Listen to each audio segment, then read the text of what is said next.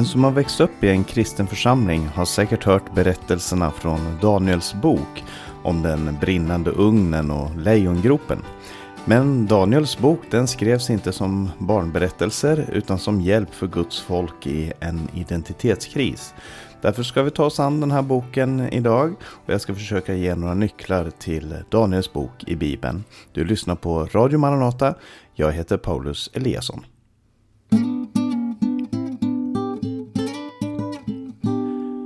Daniels bok hittar du i Gamla Testamentet. Den har 12 kapitel och i vår bibel så räknas den bland de stora profeterna.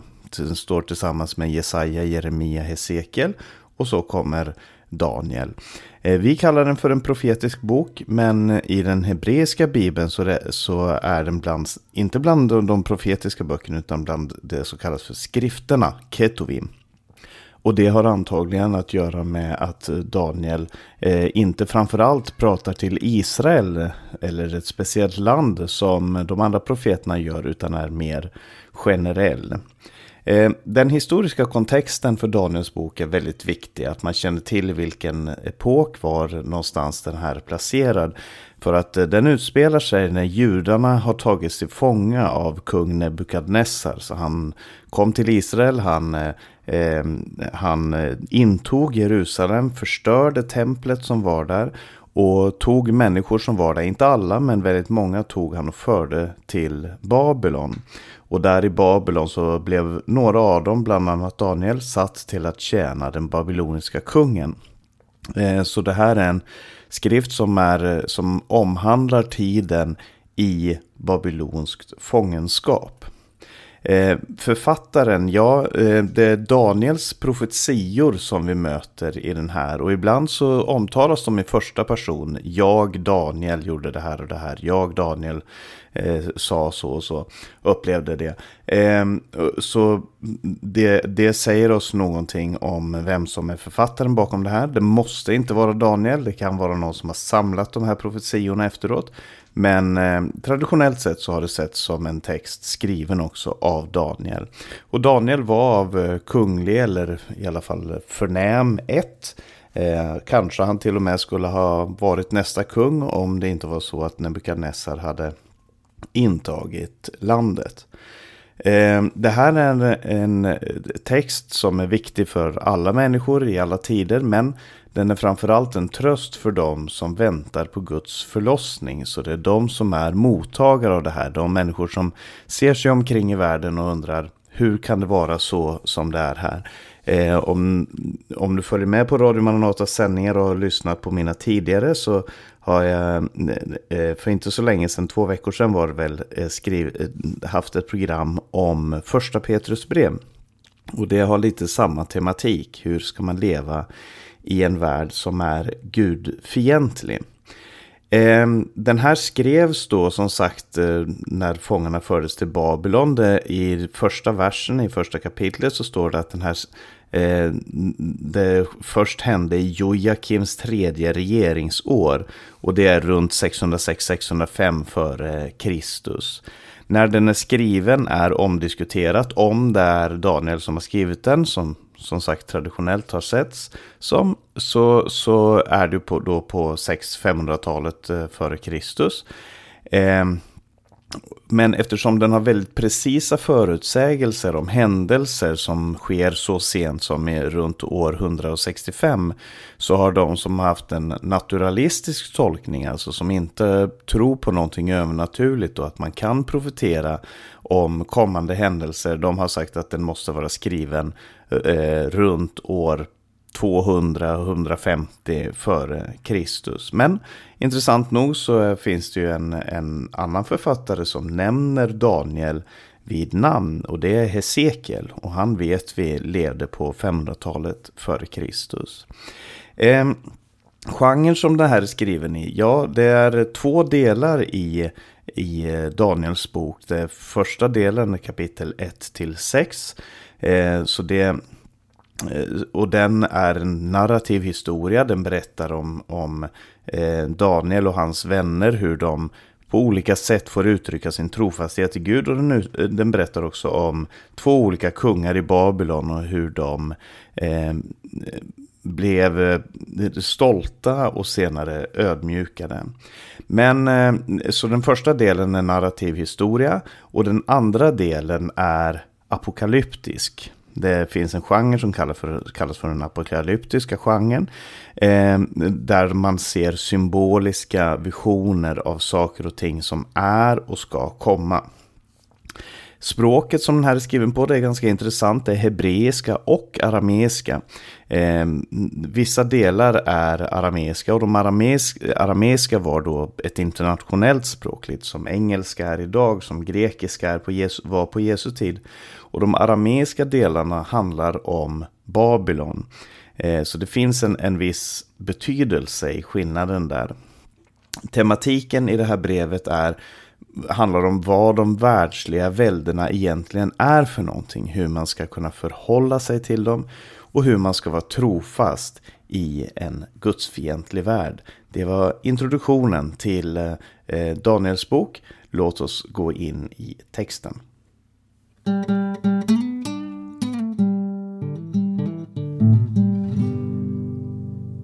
Kapitel 1-6 i eh, Daniels bok handlar som sagt om Daniel och hans vänner och är berättelsen om Daniel och Hanania, Asarja och Mishael.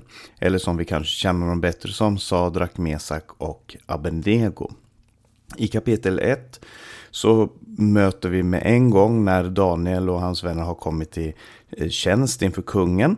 Så eh, kommer den här situationen där de inte vill äta mat som inte är det vi idag kallar för korser, alltså ren mat. Och vad handlar den eh, berättelsen om? De eh, får veta att de ska äta en viss mat. De vägrar att äta den här maten och säger att de hellre bara vill äta grönsaker han som ska ta hand om dem, han blir bekymrad och säger att då kommer ni bli, då kommer ni bli sjuka, ni kommer bli smala, ni kommer, det kommer inte gå bra för er. Och Daniel säger, ja men gör ett test med oss under ett visst antal dagar och sen får du se hur vi ser ut. Och så, eh, och så visar det sig att de här eh, fyra, de ser bättre ut och är vid bättre vigör än andra människor. Och eh, Ehm, I vår tid så har jag mött på många olika tolkningar av den här texten. Man talar om att till exempel om Danielfasta. Att man ska ha en Danielfasta där man bara äter grönsaker. Man äter detsamma som det han eh, nämner i den här texten. Det är inte poängen av texten. Poängen är inte att berätta för oss vad vi borde äta. Eh, poängen eh, är inte att berätta vad som är bra eller dåligt att äta. Poängen är, vem är vi trofasta mot? Alltså var ligger vår identitet? Och när blir intressekonflikten mellan det att vara i den här världen och att tillhöra Gud? När blir den konflikten helt enkelt för stor? Eh, och det här introducerar oss för ett, en hel tematik som kommer att gå igenom hela den här boken, både i den narrativa delen men också senare i den apokalyptiska delen. Och det är för det första, man kan leva och verka i den här världen. Man kan till och med tjäna i den här världen. Alltså eh, Daniel, Hanania, Sarja och Misael, de tjänade till och med den eh, babyloniska kungen. Och senare så tjänar, eh, så tjänar också Daniel under den eh, senare babyloniska kungen. Och han kommer, han kommer att vara verksam under flera eh, härskare som inte är goda härskare utan som är onda människor. Men han eh, tjänar dem i alla fall. Så å ena sidan, man kan leva och tjäna i den här världen. Men för det andra, det finns en konflikt. Man kan inte kasta sig huvudstupa in i det därför att vi bär, man bär på en annan identitet. Och i kapitel 2 där eh, berättas det om en dröm som kung Nebukadnessar har. Där eh, han ser en staty med olika metaller. Och till slut, det är guld över, så är det silver, så är det koppar, så är det järn. Och så är det järn blandat med lera längst ner i fötterna och går från huvudet till fötterna. Och eh, så ser han i sin eh, dröm om natten att det kommer en sten som rycks loss ur en klippa. Och den här stenen slår till eh, de här fötterna och krossar hela statyn. Och när Nebukadnessar vaknar i den här drömmen så är han störd av den. Han, han förstår den inte. Vad, vad kan det här betyda? Och då bestämmer han sig för att hans eh, spåmän, de måste inte bara berätta vad drömmen betyder, men de också, måste också berätta vad det är han har drömt. Eh, annars ska de dö. Och det är någonting med det här, vad då annars ska de dö? Alltså människor med makt som har dåliga dagar, då ska människor dö helt plötsligt. Och det här, det här är någonting som eh, som eh, hela Bibeln kommer tillbaka till många, många gånger. Den här inställningen som finns, den här vilddjursinställningen som finns, framförallt hos människor med makt, att de ska, de ska styra genom fruktan, att de ska styra genom att förstöra andra människor. Men hur det nu än var så fick Daniel av Gud veta hemligheterna i det här och han säger att de här metallerna i statyn representerar olika riken som ska komma. Det handlar om Babylon, eh, Medo-Persien, Grekland eller det makedoniska riket. Det handlar om romarriket och ett slutgiltigt upprättat eh, romarrike. Han förklarar det inte så utan han säger att det här är riken som ska komma och att Babylon är det första. Eh, och så säger han, men det ska komma ett rike som ska krossa alla de här rikena. Och det är Guds rike. Och det här är också en tematik som, som finns i den här boken. Jag sa att det, finns, det fanns den här tematiken om hur man ska leva och tjäna i den här världen. Men bakgrunden för, eh, för den tematiken är det här att ja, det ser fantastiskt ut idag med världens riken. Det ser stabilt ut, det ser, eh, det ser ut som att de har all makten. Men det ska komma ett rike ifrån Gud som ska krossa alla dessa riken. Och det är en tematik som kommer tillbaka flera gånger i den här berättelsen. Sen i kapitel 3 så möter vi den här välkända historien om när Sadrak, Mesak och Abednego får budet att de ska böja sig inför en guldstaty. All, hela världen, hela riket skulle böja sig och tillbe en staty av guld eh, som var då i kung Nebukadnessars eh, avbild. Och det här, går tillbaka, det här är tematiker som går tillbaka både till Edens lustgård där Gud skapade människan till Guds avbild. Men också till eh, det första och andra budet i budorden. Där det står du ska, du ska inte ha några gudar vid sidan om mig. Och du ska inte göra dig någon avbild, någon bild, någon staty. Och du ska inte falla ner och tillbe dem. Så det här handlar alltså om Eh, när de tre vägrar böja sig så är det av lojalitet till det, den ordning som Gud har skapat för människan och den ordning som Gud, eh, de bud som Gud hade gett till eh, Israels folk. Och det de visar är att deras lojalitet till Gud, den stannade inte vid döden, alltså hotet om död. Man skulle kunna säga att man skulle kunna tänka sig så här att ja, jag är lojal mot Gud, men när det gäller mitt liv, då måste jag naturligtvis vika undan. Det finns, en, det finns en lojalitet och den går till en viss gräns. Men när man hotas till livet eller när man hotas till det här eller det här eller det här. Då, då ska man dra sig tillbaka. Men de visar att gränsen för lojaliteten går inte vid döden. Utan, och gränsen för lojaliteten till kungen, för att nu hamnar ju de här två sakerna i konflikt. Eh, gränsen för lojaliteten som man hade till kungen, det var när han krävde tillbedjan och religiös underkastelse. Så de visar att även om de tjänade i den här världen så var deras lojalitet en annan plats. Och det som händer är att de kastas in i ugnen, en brinnande ugn som var som straff för de som vägrade tillbe kungen, för de som inte visade sin lojalitet till honom. Och det som händer är att de blir bevarade i den här ugnen genom en fjärde person som kommer och går där tillsammans med dem. Och som, eh, som Nebukadnessar säger, han liknar en gudason. Och den här gudasonen ska vi få läsa mer om, ska vi komma tillbaka till. Eh, kapitel 4 och 5 i eh, Daniels bok handlar om Nebukadnessar i kapitel 4 och hans son eller barnbarn Belsassar i kapitel 5.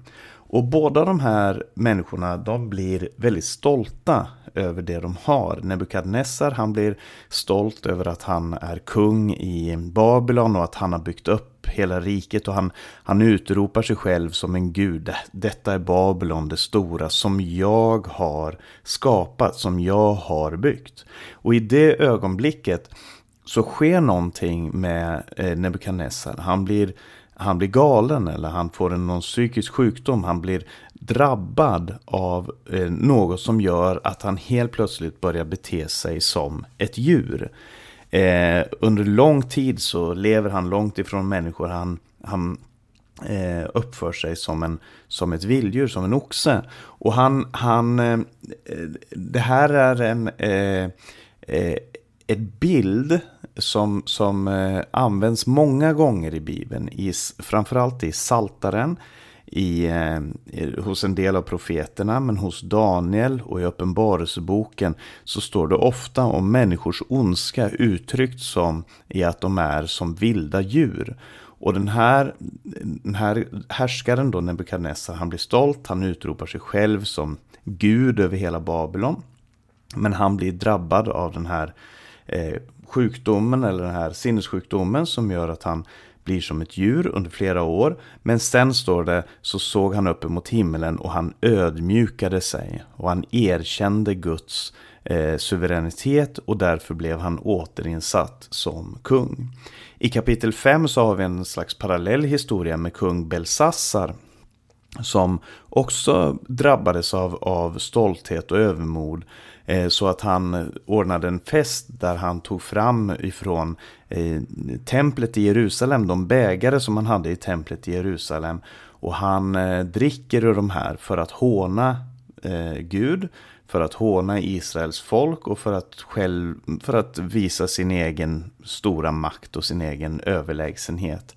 Eh, I den situationen så finns det den här välkända berättelsen om att det dök upp en hand som skrev på väggen Mene mene tekel ufarsin. Eh, som betyder, ja, det finns olika tolkningar av det här, det finns olika sätt att läsa det, men som Daniel tolkar det, du är väg på en våg och du är befunnen att vara för lätt. Och ditt rike ska delas mellan meder och Persen. Och Eh, den, eh, men, men det som händer är att Belsassar han eh, ödmjukar sig inte. Han släpper inte sin stolthet. Utan han eh, eh, får uppleva att dagen efter så förstörs hans rike. Han, eh, han eh, får överlämna sitt rike till mederna och perserna. Och eh, båda de här berättelserna handlar om det som Gud hade tänkt ifrån början, nämligen att människan skulle vara härskare över naturen. Men istället så blir de djur som är underlagda naturen. Eh, och i det sjätte kapitlet så sker ännu en kamp mellan människa och vilddjur och den här tematiken växer och utvecklas. Och det är då Daniel inte ville be till kungen. Det fanns ett dekret om att under ett visst antal dagar så skulle man bara be till kungen och inte till några andra gudar. Men han vägrade att göra det eh, och därför blev han kastad i en lejongrop. Så det finns eld. Eh, hans vänner blev kastade i eldugn och han själv blev kastad i en lejongrop för att han skulle dödas. Och det här är ju en välkänd söndagsskoletext. Eh, men det är inte en söndags, det är, det är inte en eh, text menad för barn, även om man naturligtvis kan anpassa den till det. Men än en gång så handlar det om att gränsen för deras lojalitet till Gud går inte vid eh, döden. Och gräns, men att gränsen för deras lojalitet till kungen går vid tillbedjan. När den här världens rike kräver tillbedjan så säger Guds folk nej. Och lägger märke till, han kastas in i en lejongrop. Det är lite som när han fördes bort till Babylon så kastades han in i en lejongrop. Eller hans, hans vänner kastades in i en eldugn. Eh, här är det bara mer konkretiserat. Och det finns ett tema här om en prövningens eld och om vilddjur som vill döda men som inte kan döda. För det är det som händer med Daniel. Han eh, blir eh, ta, han blir, eh, eh, skulle bli uppäten av de här lejonen, men han blir inte det. Nu ska vi gå till den andra delen i Daniels bok.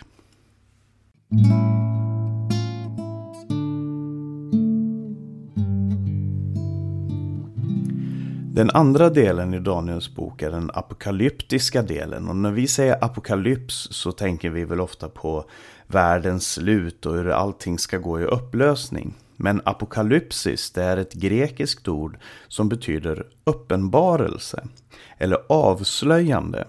Och de böcker i Bibeln som innehåller apokalypsen och det är framförallt Daniels bok, Uppenbarelseboken, men det finns också liknande texter både hos Jesus och hos andra.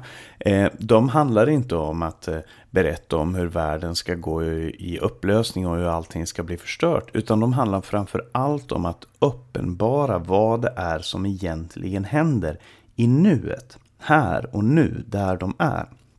Och i kapitel 7 så har Daniel en dröm och tidigare så såg vi i kapitel 2 att, Belsas, eh, att Nebukadnessar hade en dröm där han såg en staty som representerade de olika världsrikena. Men Daniel han har en dröm där han ser vilddjur eh, som representerar de olika världsrikena. Det är både Babylon, Medo-Persien, eh, grekisk-makedoniska riket, eh, det romerska riket och, och ett slutligt eh, världsrike. Och, eh, den här, och den här stenen som han såg som slets, som kungen såg som slets lös och som förstörde den här statyn. I Daniels vision så är det en människoson. Och det som är tingen är att Gud, Fadern, den gamla av dagar, han eh, har troner i sin himmel. Och han själv sätter sig på en tron. Och till honom kommer då den här människosonen på moln. Stigen, stiger han upp till Fadern och han får se, eh, han får då sätta sig på eh, Guds tron tillsammans med Gud och han ska regera i all evighet. Och eh, så, så den här berättelsen om om gudasonen som gick tillsammans med dem i ugnen, om den här stenen. Eh, alla de här berättelserna de utvecklas och de, och de fördjupas ju längre man kommer i Daniels bok. Och i kapitel 8 så handlar det om, eh, så har han visioner om bland annat en bock med ett stort horn som ska förstöra Jerusalem. Eh, det är antagligen tal om Antiochus Epifanes som senare förstörde Eh, Jerusalem. Och i kapitel 9 så har Daniel läst i profeten Jeremia som ju skrev då strax innan fångenskapen i Babylon och där gav Gud ett löfte om att de skulle vara fångade i, Jerusal i Babylon i 70 år. Eh, så han börjar be till Gud för att de här 70 åren de går mot sitt slut. Och då får han besök av en ängel som säger att ja, 70 år var menat för att folket skulle omvända sig. Men Folket har inte omvänt sig och därför så ska de få uppleva att Jerusalem ska bli betrampat, att de ska bli eh, ockuperade och, och, och, uppleva strid i sju gånger 70 år. Sju gånger 70 år, det är 490 år om man räknar 490 år från återtåget eh, ifrån Babylon till Jerusalem så kommer man fram till Jesu tid. Så det här är antagligen en profetia om den eh, frälsning som Gud utförde i Jesus Kristus. Eh, och i kapitel 10 till 12 där får han se visioner om kungar, olika kungar som ska träda fram ända tills kungen ifrån norr kommer som till slut ska förstöras, kungen ifrån nord. Och den här kungen ifrån nord, han står som en slags sinnebild. Eh, alltså det, det, kan vara Antiochus Epifanes, det kan vara någon annan som man talar om, en konkret person. Men det verkar som att det här framförallt är en sinnebild för det som ska komma. Och vi ska säga någonting om tolkningen och appliceringen av Daniels bok innan vi avslutar.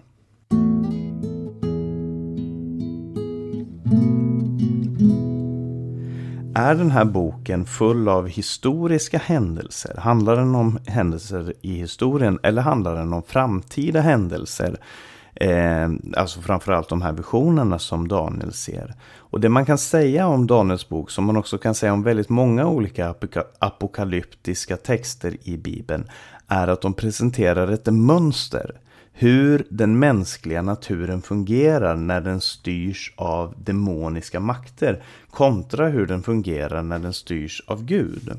Och Daniels bok eh, är just på det här sättet. Det kan du också se eh, när Jesus talar i sitt eskatologiska tal som du finner eh, strax innan hans färd till Jerusalem eller under hans färd till Jerusalem i de olika evangelierna. Och som Johannes eh, pratar om i Uppenbarelseboken. De använder eh, symbolik och termer ifrån Daniels bok. När de ska prata om sina egna visioner och se hur de själv ser på framtiden. Eh, så så de, det visar att det finns ett mönster i det här systemet som, eh, som eh, man ska ge akt på.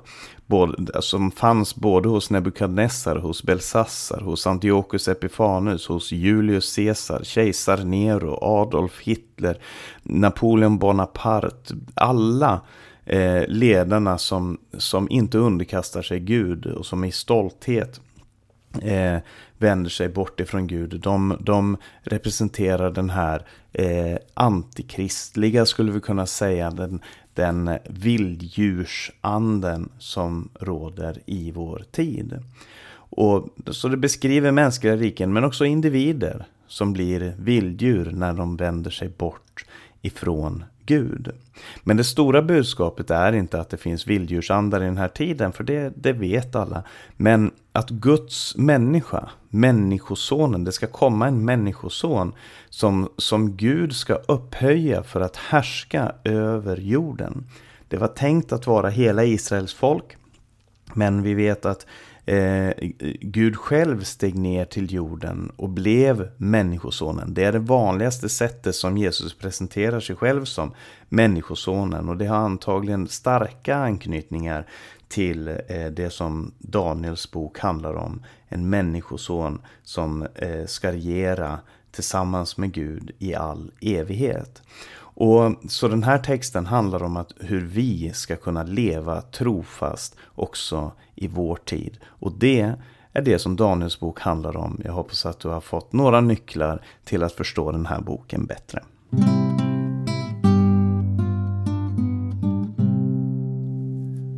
Vi ska alldeles strax lyssna på en sång, men först ska jag bara ge lite information. För du har lyssnat till en podcast ifrån Maranata Podcast och jag heter Paulus Eliasson. Det här eh, programmet har också sänds över Stockholms och Örebros närradio. Stockholm närradio 88 MHz och Örebro närradio 95,3 MHz. Sprid gärna det här programmet till andra också om du finner det intressant. Om du har några frågor så kan du skicka en e-post till info.maranata.se eller ringa 070-201 60 20. Du kan också gå in på hemsidan maranata.se. Sprid Guds välsignelse till alla du möter. Vi hörs igen om en vecka.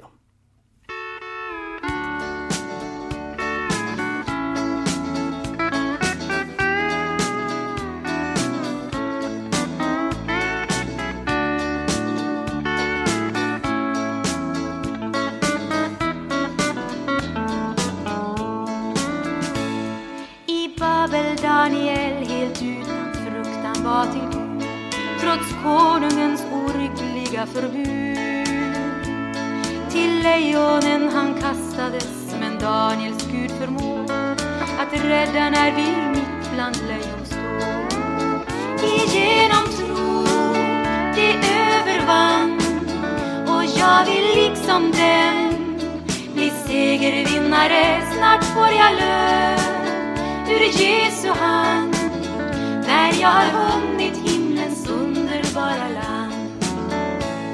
Då Sadrak, Mesak, Abednego vägrat böja knä för bildstoden som konungen befall. Det kastas in i ugnen, men Jesus är då där och skyddar sina barn som han har kär. Igenom tro ska jag vill liksom dem bli segervinnare, snart får jag lön ur Jesu hand när jag har hunnit himlens underbara land. Och Goliat så stor och stark med hån och djupt förakt förlöjligar den Gud som har all makt. Då David fylld av trosvisshet med slungan slår ett slag och fienden får död och nederlag. Igenom tro det övervann och jag vill liksom dem bli segervinnare. Snart får jag lön ur Jesu hand när jag har hunnit himlens underbara land. Jag kämpa vill den goda kamp och fullborda mitt lopp och tjäna Jesus Rättfärdighetens segerkrans skall Jesus sedan ge åt dem som älskat hans tillkommelse. Igenom tro det övervann och jag vill liksom dem bli segervinnare. Snart får jag lön ur Jesu hand när jag har